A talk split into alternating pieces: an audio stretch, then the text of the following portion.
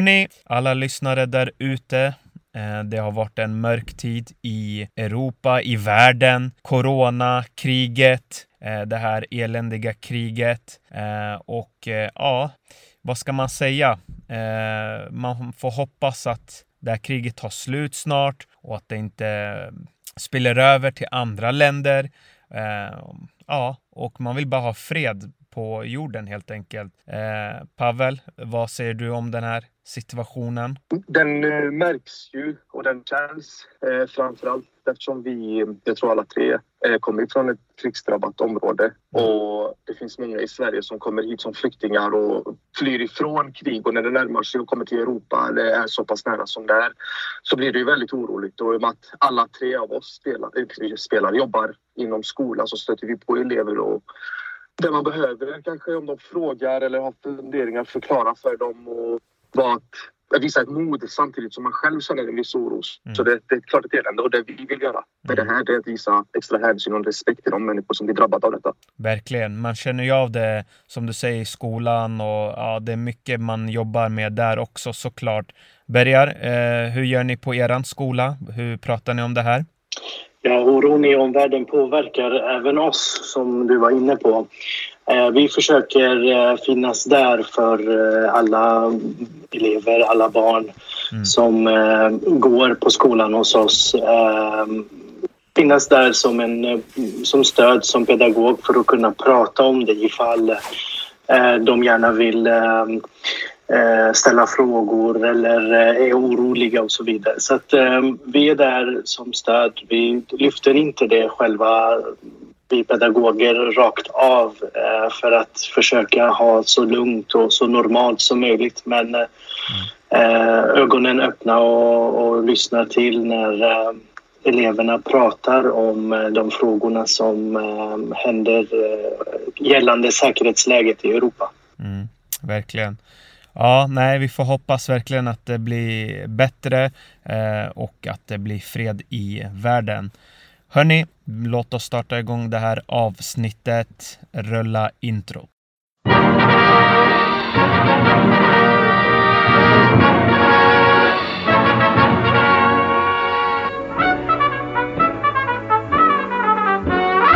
Yes, vi skriver in avsnitt nummer 98 och vi närmar oss snart faktiskt 100 avsnitt. Det har eh, varit en otrolig resa och vi vill gärna fortsätta den.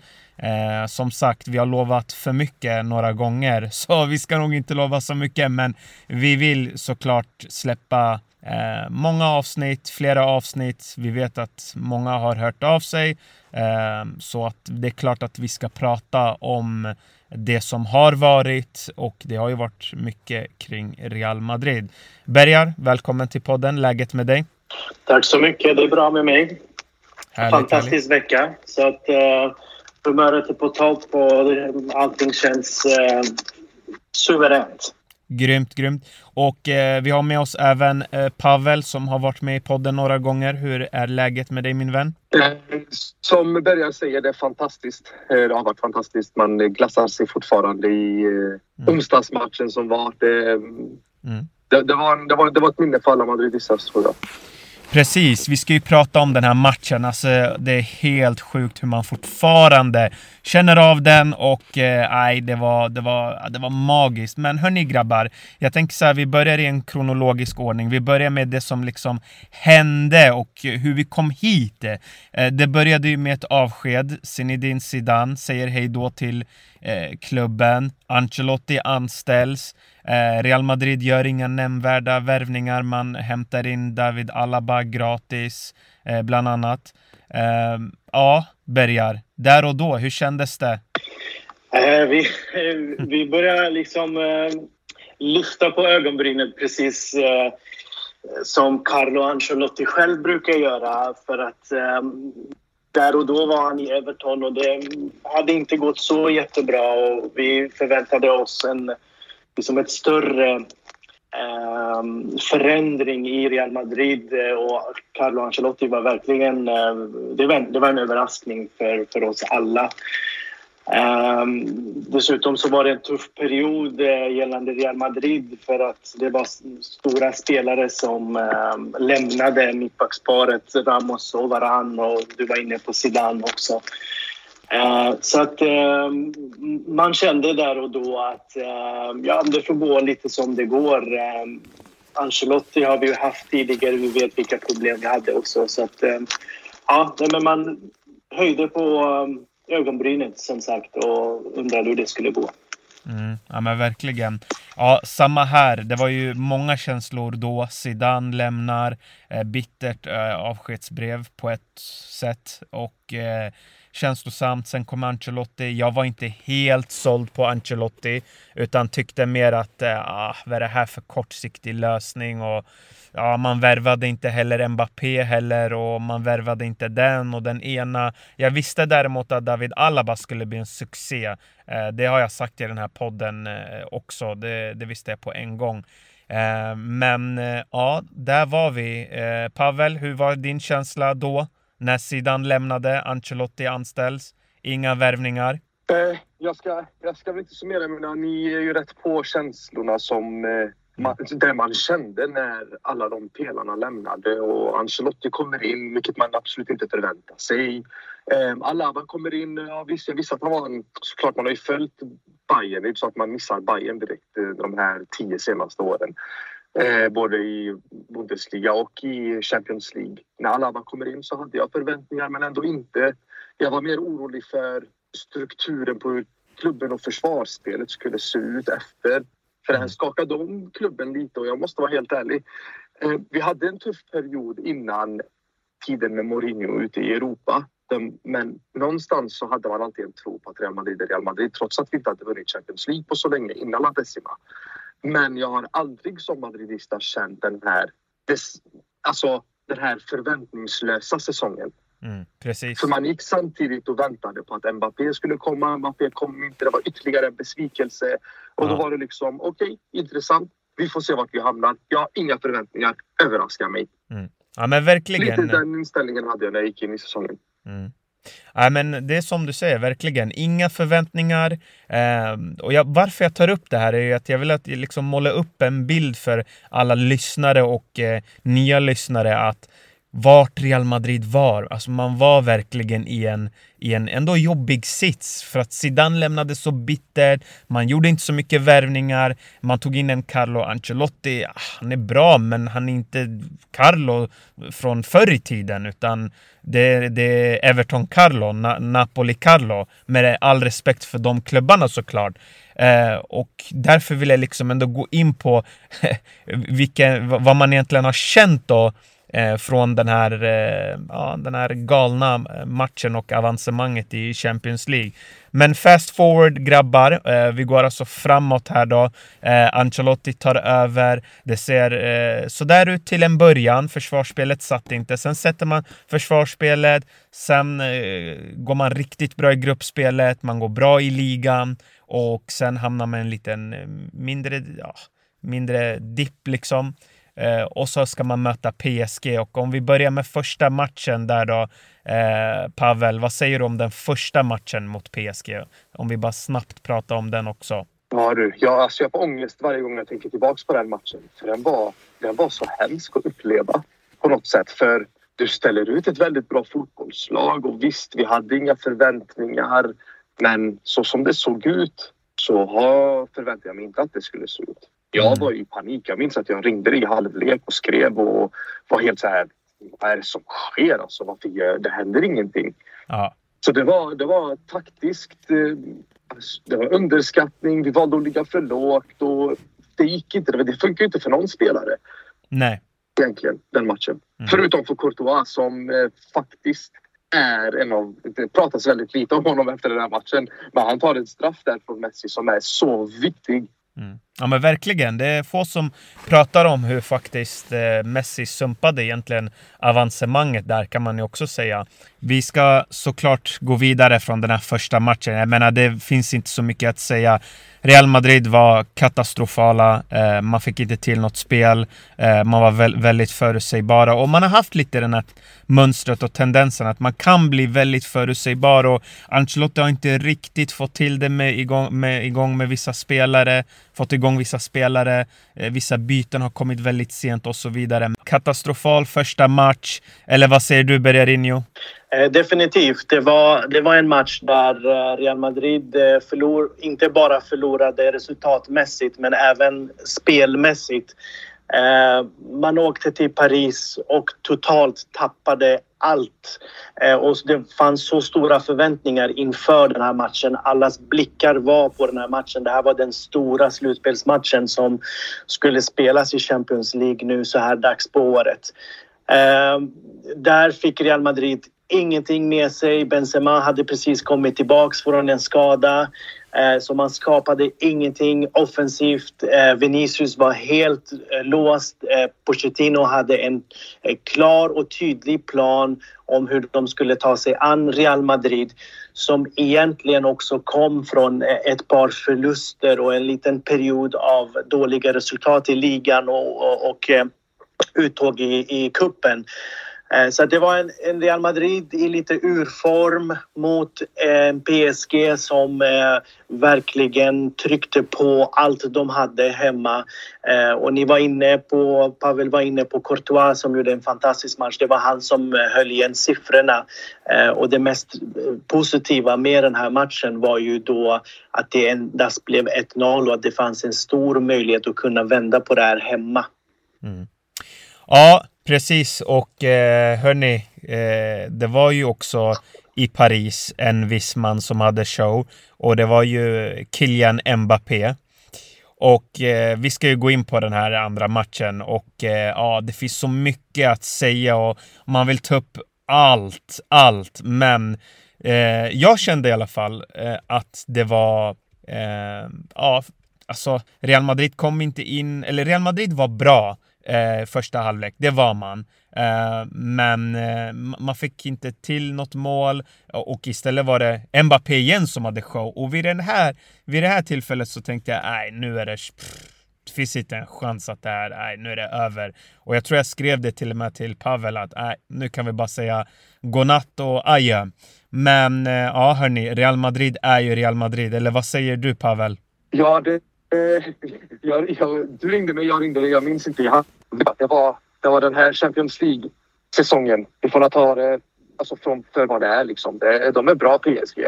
Men det känns som om inför första mötet så kändes det som om Ancelotti valde ju att ligga lågt mot PSG. Och inför andra mötet nu så ställde vi, alltså vi, vi hade en, ett bra pressspel. Jag tror inte de scoutade PSG tillräckligt bra. För det problemet PSG har, är de bollförande så är de bra. För då behöver inte Neymar, Mbappé och Messi jobba hem. Men blir de pressade under en längre tid, under 90 minuter, så kommer Mbappé, Messi och Neymar eh, inte hjälpa till lika mycket. Då uppstår de situationerna som uppstod, uppstod under den här matchen. Så jag tror att Ancelotti gjorde sin läxa ännu bättre inför det här andra mötet och kunde syna PSGs kassa försvarsspel när de hamnar under press. Mm.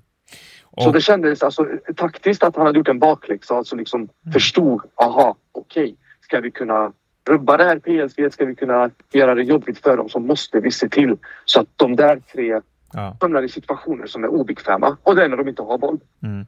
Ja, jag håller med. Jag kan bara hålla med. Klockren analys. Eh, och eh, vi såg ju också sen hur, hur de tappade det och då kan det ingen av de här tre verkligen göra något speciellt. Eller ja, okej, okay, Mbappé var ju såklart speciell, men jag menar ändå att de här tre inte kunde hjälpa till i försvarsspelet och Real Madrid tog över och ja, det blev bara så vackert. Men eh, vi kan väl gå in på 1-1 målet där då, Bergarinho. Vad, vad säger du om 1-1 målet? Eh, vad, vad, vad tycker du? Ja, där eh, 1-1 målet eh, har ju diskuterats eh, vilt i sociala medier och i samtliga medier kring om det var frispark eller inte. Men PSG-målvakten Gianluigi Donnarumma slarvade bort bollen i eget straffområde. Eh, och Karim Benzema eh, var väldigt pigg in i, in i den pressen för att verkligen vinna den här bollen från Donnarumma. Och eh, där kändes det lite mer som om det fanns eh, eh en, en viss eh, kanske plan kring att eh, sätta press på Donnarumma. För vi vet ju hur, hur han är med fötterna. Eh, och det är inte det hans liksom, styrka så. Så att Benzema var inne i, i duellen med Donnarumma, vinner bollen och bollen hamnar till slut hos Vinicius Junior som väldigt klokt spelar tillbaka den till Benzema som har tagit en ny position i straffområdet och kan enkelt bara bredsida in 1-1 eh, målet och eh, mm, det, det väckte den sovande björnen på Santiago Bernabéu. Mm. Ja, men vi måste ju också...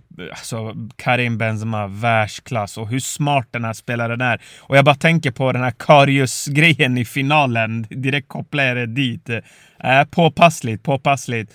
Eh, vid 1-1 målet, Pavel. Eh, vad kände du då? Trodde du att liksom att ah, men PSG är ändå för starka, de kommer ju till... Eller, eller tyckte du att nej, men nu kommer Real Madrid ta det här?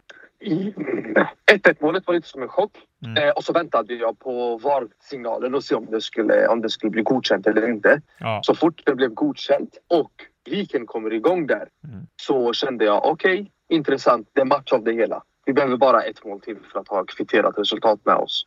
Men samtidigt visste jag vi kommer trycka på nu och kommer öppna ytor för eh, Mr Kilian. Eh, och det, var, det oroade mig, men det kändes definitivt att någonting hände ju där. Det, eh, hoppet eh, ja, det tändes. Det gjorde det direkt. Mm. Ja men verkligen. Och det, så var, det som var så, också så skönt var också att se hur, hur Paris liksom bara, bara ramlade. Alltså, de orkade inte. De, de, de bara kände av publikens närvaro. Och jag vet Berger, du och jag pratade om det. Kommer du ihåg när vi alltid tog upp Alfredo Di Stefano? Det var ju som en tränings... Det var som träningsmatcher och nu var liksom publiken tillbaka. Det var verkligen den tolfte spelaren och jag såg också att eh, det var några som pratade om sociala medier om eh, att Real Madrid har den bästa eh, låten, eh, inmarschlåten och eh, när det blir mål och annat också. Alltså det var mäktigt att få uppleva hur, hur liksom allting bara kokade och det, det, det sitter liksom i väggarna.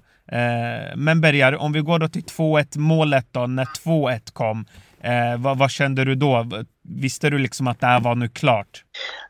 Um, ja, alltså man var lite på gång. Um, vi, om vi backar eh, bandet lite innan eh, 1-1 målet så måste jag ändå lyfta att Ancelotti gjorde eh, två byten ganska snabbt i den 57 minuten ja. eh, som förändrade takten på på matchen. Han läste av att det var en match som gick mycket fram och tillbaka. Eh, den, den var inte helt under kontroll eh, och vi var inne på det. Det är väldigt svårt att kunna pressa högt mot PSG för då släpper man till yta bakåt och det är väldigt svårt att backa hem mot PSG för då eh, skapar man mer utrymme för Messi och Neymar som hamnar närmare eh, Reals straffområde och skapar chanser därifrån. Eh, så att just de här två bytena med Kamavinga in istället för Toni Kroos som hade eh, skadeproblem sen innan eh, och en Rodrigo som kom in istället för Asensio. Och där var det taktiskt väldigt klokt av Ancelotti att göra de två bytena. Kamavinga med sin liksom fysik och intensitet i matchen och Rodrigo som ständigt kunde utmana Nuno Mendes på eh, högerkanten eh, på PSGs vänsterkant och Mendes som var en av de spelarna som, hade, som Real hade svårt att kunna kontrollera i första halvlek eh, då Carvajal hade ett jobb eh, eh lite närmare Mbappé och Marco Asensio inte orkade med att jobba hem ja. lika mycket som eh, eh Nuno Mendes löpte i offensiven. Så att eh, där fick vi lite kontroll på deras vänsterkant eh, med att eh, Mendes inte vågade ta de stegen eh, längre fram i offensiven och en kammarvinge som kunde vinna boll centralt. Och eh, apropå vinna boll centralt, 2-1 målet, det kommer ju från att Luka Modric läser av en, en, en situation där Neymar försöker hitta Messi och Modric bara är steget före och vet exakt vad som kommer att hända. Bryter bollen i princip från egen straffområde och driver den hela vägen in på mittplan och släpper en djupledsboll på Vinicius som eh, tar sig förbi eh, sin markering där och då. Danilo som hade en uppgift att markera Vinicius. Eh, och väldigt klokt Vinicius och väldigt klok eh, eh Luka Modric som fullföljer ja. Hela vägen in till, till, till offensiven och får tillbaka bollen och smeker den fram och en klass avslut av Karim Benzema och där hade vi 2-1 och då var känslan att nu är Real Madrid tillbaka och nu har vi liksom verkligen kontroll på den här matchen. För, för att efter 1-1 så var det fortfarande en svajig match. Det gick lite fram och tillbaka. Eh, men då vid 2-1 då kände man verkligen att ah, nu jäklar, nu, nu kommer vi inte tappa det här. Ja men verkligen och det är ju faktiskt två gånger som Modric skannar av situationen. Först säger han att ah, passen kommer gå till Messi men jag går inte dit eh, tills att Neymar slår bollen. Bryter den, går igenom allihopa i princip till Vinicius. Vinicius eh, till Modric, eller ja, eh, försöker hitta Modric men den Precis. går till honom. Och så skannar han av läget igen och hittar Benzema istället för att passa utåt när han kan göra det.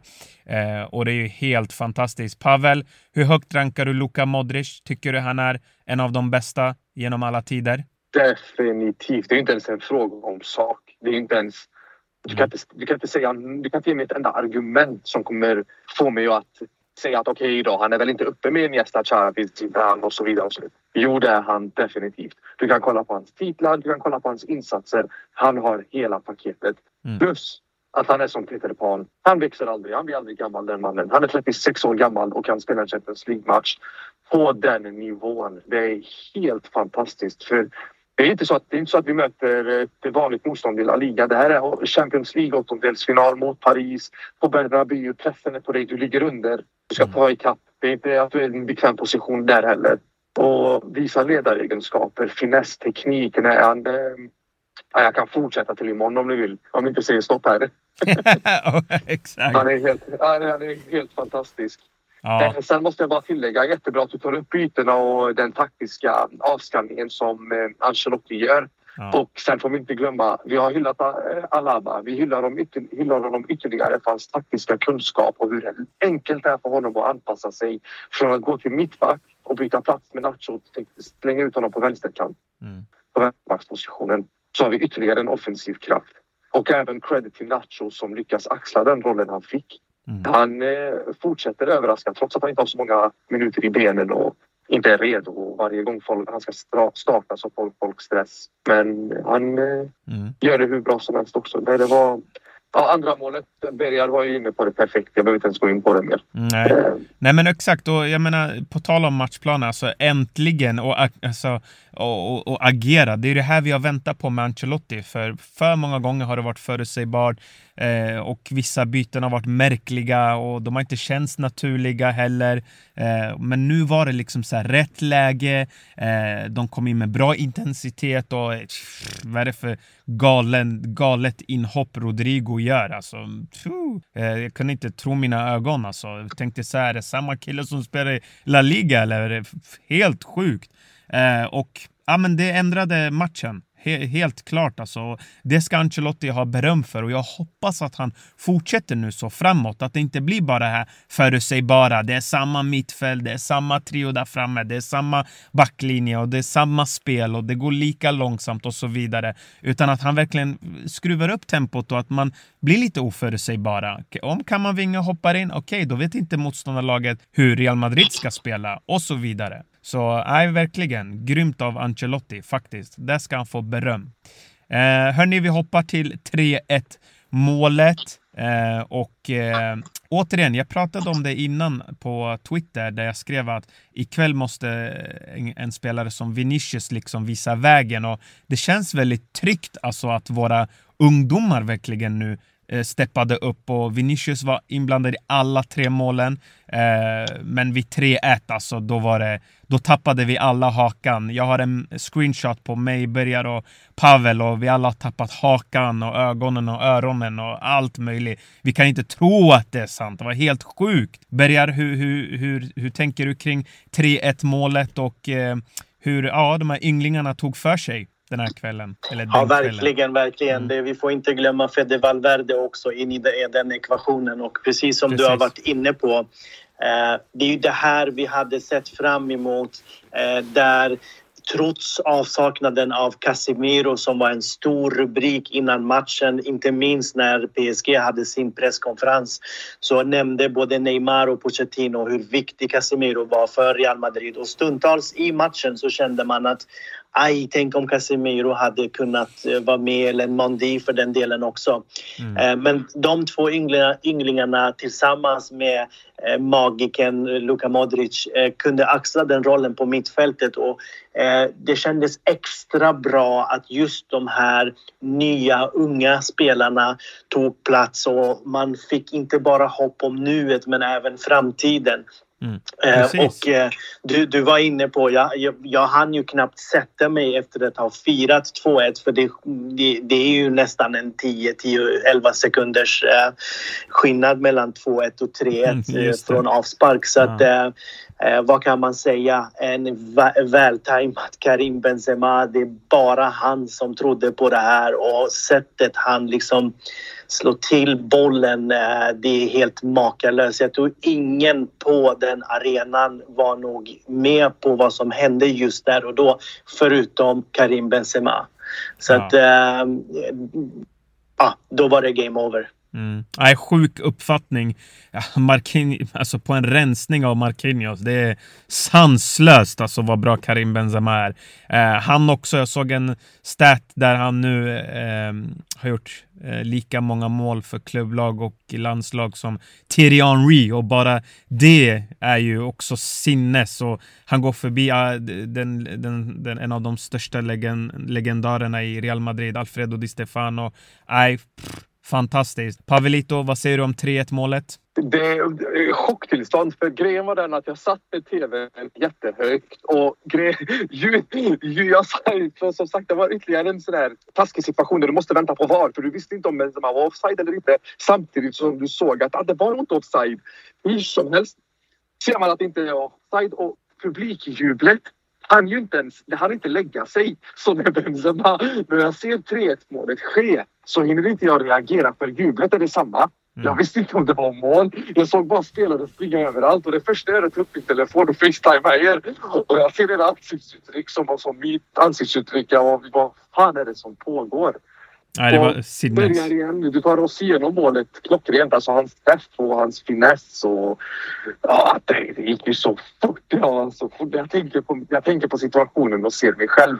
Mm. Alltså, jag måste ha sett så jävla dum ut. För jag, ja, det, var, det var så sjukt. Mm. Ja, det var verkligen. så sjukt. Och du nämner Alfredo Di Stefano. Och grejen är den att Real Madrids historia är ju så tung med såna här segrar, med såna här matcher med Di Stefano som säger att 90 minuter på Bernabéu är väldigt länge.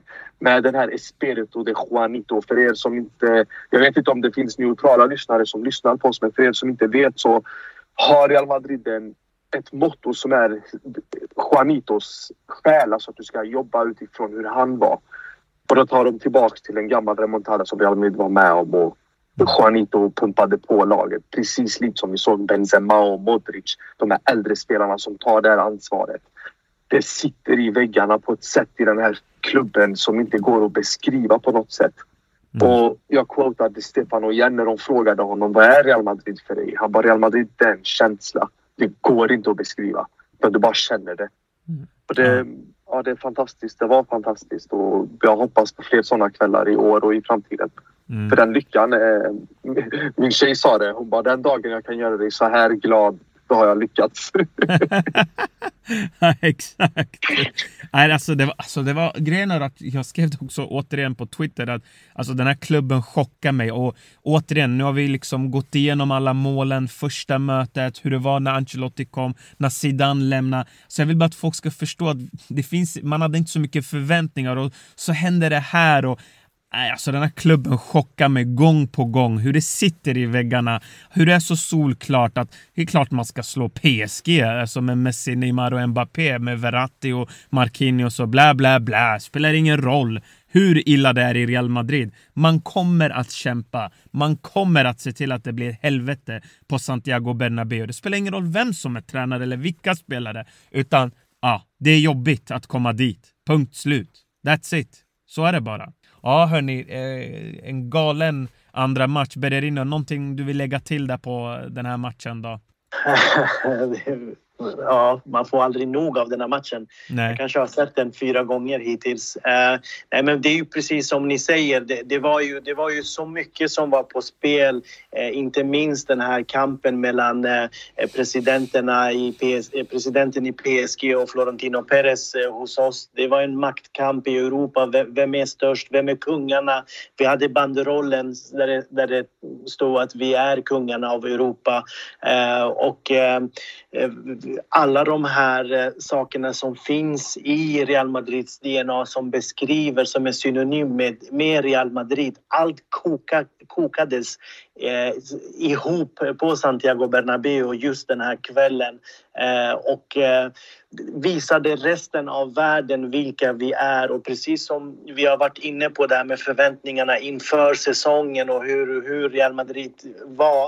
Eh, jag, personligen så är jag 100% säker på att oavsett Eh, precis som du också nämnde eh, Meran, Oavsett vilken tränare, vilka spelare man har, när säsongen drar igång, när de här slutspelsmatcherna är på plats så är de här spelarna fokuserade. De förväntas gå in och eh, eh, ta sig vidare oavsett vilka de möter, oavsett vilket lag vi ställer upp med. De får se troféerna dagligen på Valdevebas och liksom, eh, eh i museet eh, på Santiago Bernabéu. Så att, eh, det är en magisk arena. Det är verkligen väldigt, väldigt speciellt. Eh, så att eh, eh, man såg hur PSG, hur Messi, hur Neymar, hur Mbappé som var fantastisk i matchen kände sig så liten när verkligen Bernabéu började uh, ryta till. Så att, uh, helt, helt sanslöst, helt sjukt. Vilken, vilken fantastisk match och vi, vilket genomförande uh, som Real Madrid gjorde. Mm. Ja, sjukt. Alltså, ah, jag vet inte vad mer man ska säga. Det var bara helt, helt sinnessjukt och det, galet. Det är som en mytologisk saga. Det är ju någonting som eh, man berättar om i historieböckerna som man inte riktigt vet existerar det här, finns det här? Och man, man fortsätter bevisa det om och om igen men det är ingen som riktigt ser. Alltså, hur många klubbar har vunnit två raka Champions League och sen okej, okay, går och vinner den tredje? Mm. Bara en sån grej. Hur många klubbar har vunnit fyra Champions League på fem år. Mm. Ja, men precis. Så, mm. Kom igen. Det är, och så en sån här match på det. Är, så mytologi, det, det är mytologi. Det är allting är, det, det är så... Mm. Ja, måste det, vara inne i det. det nej, men jag håller med. Det, är ingen annan, ingen annan supporter eller klubb som kommer förstå Real Madrid. De kan aldrig förstå Real Madrid. Det, det går bara inte. Så är det. Hörni, eh, vi blickar lite framåt då. Eh, som sagt, ja, PSG eh, åker ut och Real Madrid går vidare. Eh, Pavelito, vad tänker du om eh, eh, framtida lottning här nu då? Vilka vill du gärna se att Real Madrid ställs mot? Um, förra säsongen var det väldigt skönt att tvåla till uh, Liverpool och efter det så brydde jag mig inte riktigt vilka. När vi fick Liverpool så sa jag vi slår Liverpool, sen är jag ganska nöjd. Jag skiter i vilka vi får. Mm. Uh, och lite så kände jag i år med PSG. Eh, match i match med kampen om eh, Mbappé under sommaren, presidenternas, som Bergar var inne på, presidenternas kamp och sen stjärnorna på plan. Mm. Efter den här matchen, ja, ja, ja, det spelar ingen roll. Ge mig något lag. Ni ska mm. komma till Bernabéu och ni ska spela mot vårt Real Madrid så det spelar inte så jättestor roll för mig. Jag har ingen favorit med vilka mm. jag vill att vi ska möta. Vi ska slå alla om vi ska vinna. Så är det bara. Ja, jag håller med. Vi ska slå alla om vi vill vinna, men jag, jag vill ändå säga att eh, jag vill inte att Real Madrid får möta eh, inom situationstecken ett enkelt lag. Eh, nu finns det inga enkla lag i Champions League, men jag vill inte att Real Madrid underskattar de man möter. För när det händer, då åker nästan Real Madrid alltid på pumpen. Så jag vill ändå att motståndet ska vara någorlunda bra. Jag känner bara däremot att City kan vara lite numret för stort, även Chelsea. Eh, ja, det är såklart Real Madrid kan slå dem, det är inte det, men jag känner bara att vi inte är riktigt där än. Eh, men vi är Real Madrid, som sagt, så vi kan såklart gå vidare. Jag skulle nog välja mellan Juventus eller eh, Manchester United eller Atletico. Ja, beroende någon av de två som kommer, vilka, vilken av de här två klubbarna som går vidare. Men jag säger, ja, United, Juventus. Bergar, vad säger du? Vad tycker du? Eh, ja, det efter den här matchen så måste vi bli lite kaxiga. Bring him on! Bring, him on. Bring him on.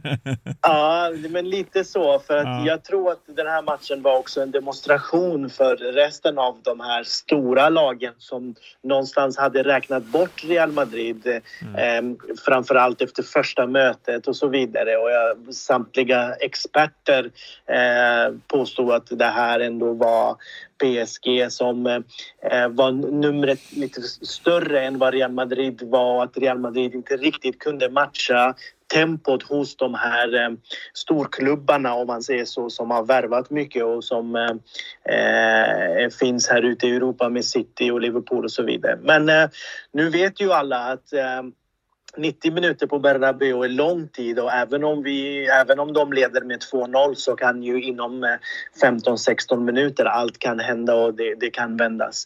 Eh, men eh, visst, om man tänker en Juventus passar ju Carlo Ancelotti. Jag tänker på vilka lag som passar oss spelmässigt. Samtidigt så är, vill jag ändå ha Chelsea någonstans för att de mm. tog ut oss förra säsongen och vi, vi är skyldiga en, dem en örfil för det där. Eh, och Ajax ja. har jag inte glömt bort för jag var själv på plats och såg den matchen. Så att, eh, Uh, nej, det, för mig som sagt, det, det, har inte så jättestor betydelse. Men ska jag välja ut någon så tror jag att uh, jag, jag tar ändå Chelsea. Okej, okay, intressant, intressant. Ja. Ja, nej, men som sagt, det finns ju väldigt många eh, bra lag i år, eh, som alltid då i Champions League såklart. Men eh, ja, vi får se hur långt Real Madrid går. Det ska bli så intressant. Den där lottningen som är den 18 mars. Eh, och vi har också snart ett El Clasico att se fram emot och Real Madrid kommer även innan det imorgon få ta emot Mallorca. Eh, Pavelito, någonting du vill lägga till innan vi avrundar här? Jag säger som Carlo Ancelotti när han får fråga på en presskonferens att tror ni Mbappé är övertygad om att komma hit efter den här match matchen gör och den här vändningen?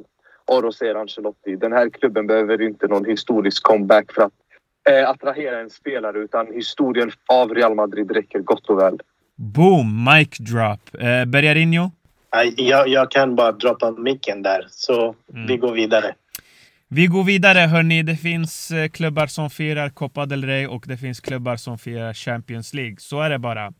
Eh, Bergar, tack för att du var med. Tack så mycket. Väldigt trevligt. Detsamma, detsamma. Vi kommer tillbaka och vi kommer köra också lite live via vår Facebookgrupp. Eh, glöm inte att följa oss där. Vi kommer gå live inför eh, El Clasico såklart. Eh, så glöm inte att följa med oss där. Bergar kommer också skriva om Mallorca-matchen. Missa inte hans artikel. Eh, Pavelito, tack för att du var med. Tack så mycket för att vi var med. Ni är fantastiska boys. Grymt, grymt. Eh, tack, tack till alla som eh, lyssnar, eh, alla nya lyssnare, alla som hör av sig till oss. Vi ska försöka att släppa eh, fler avsnitt. Vi närmar oss den där eh, fina siffran 100. Hörni, ta hand om er. Adios!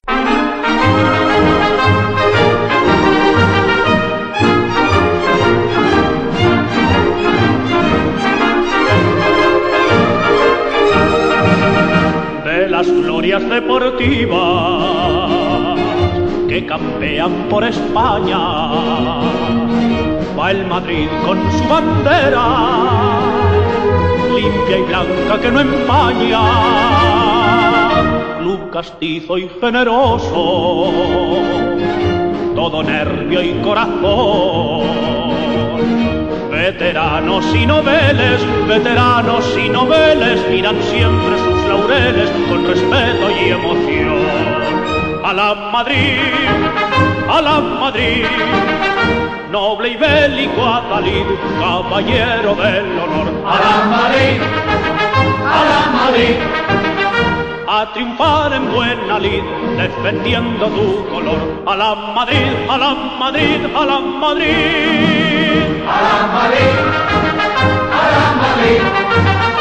Noble del Iguadalí, caballero del honor. A la Madrid, a la Madrid.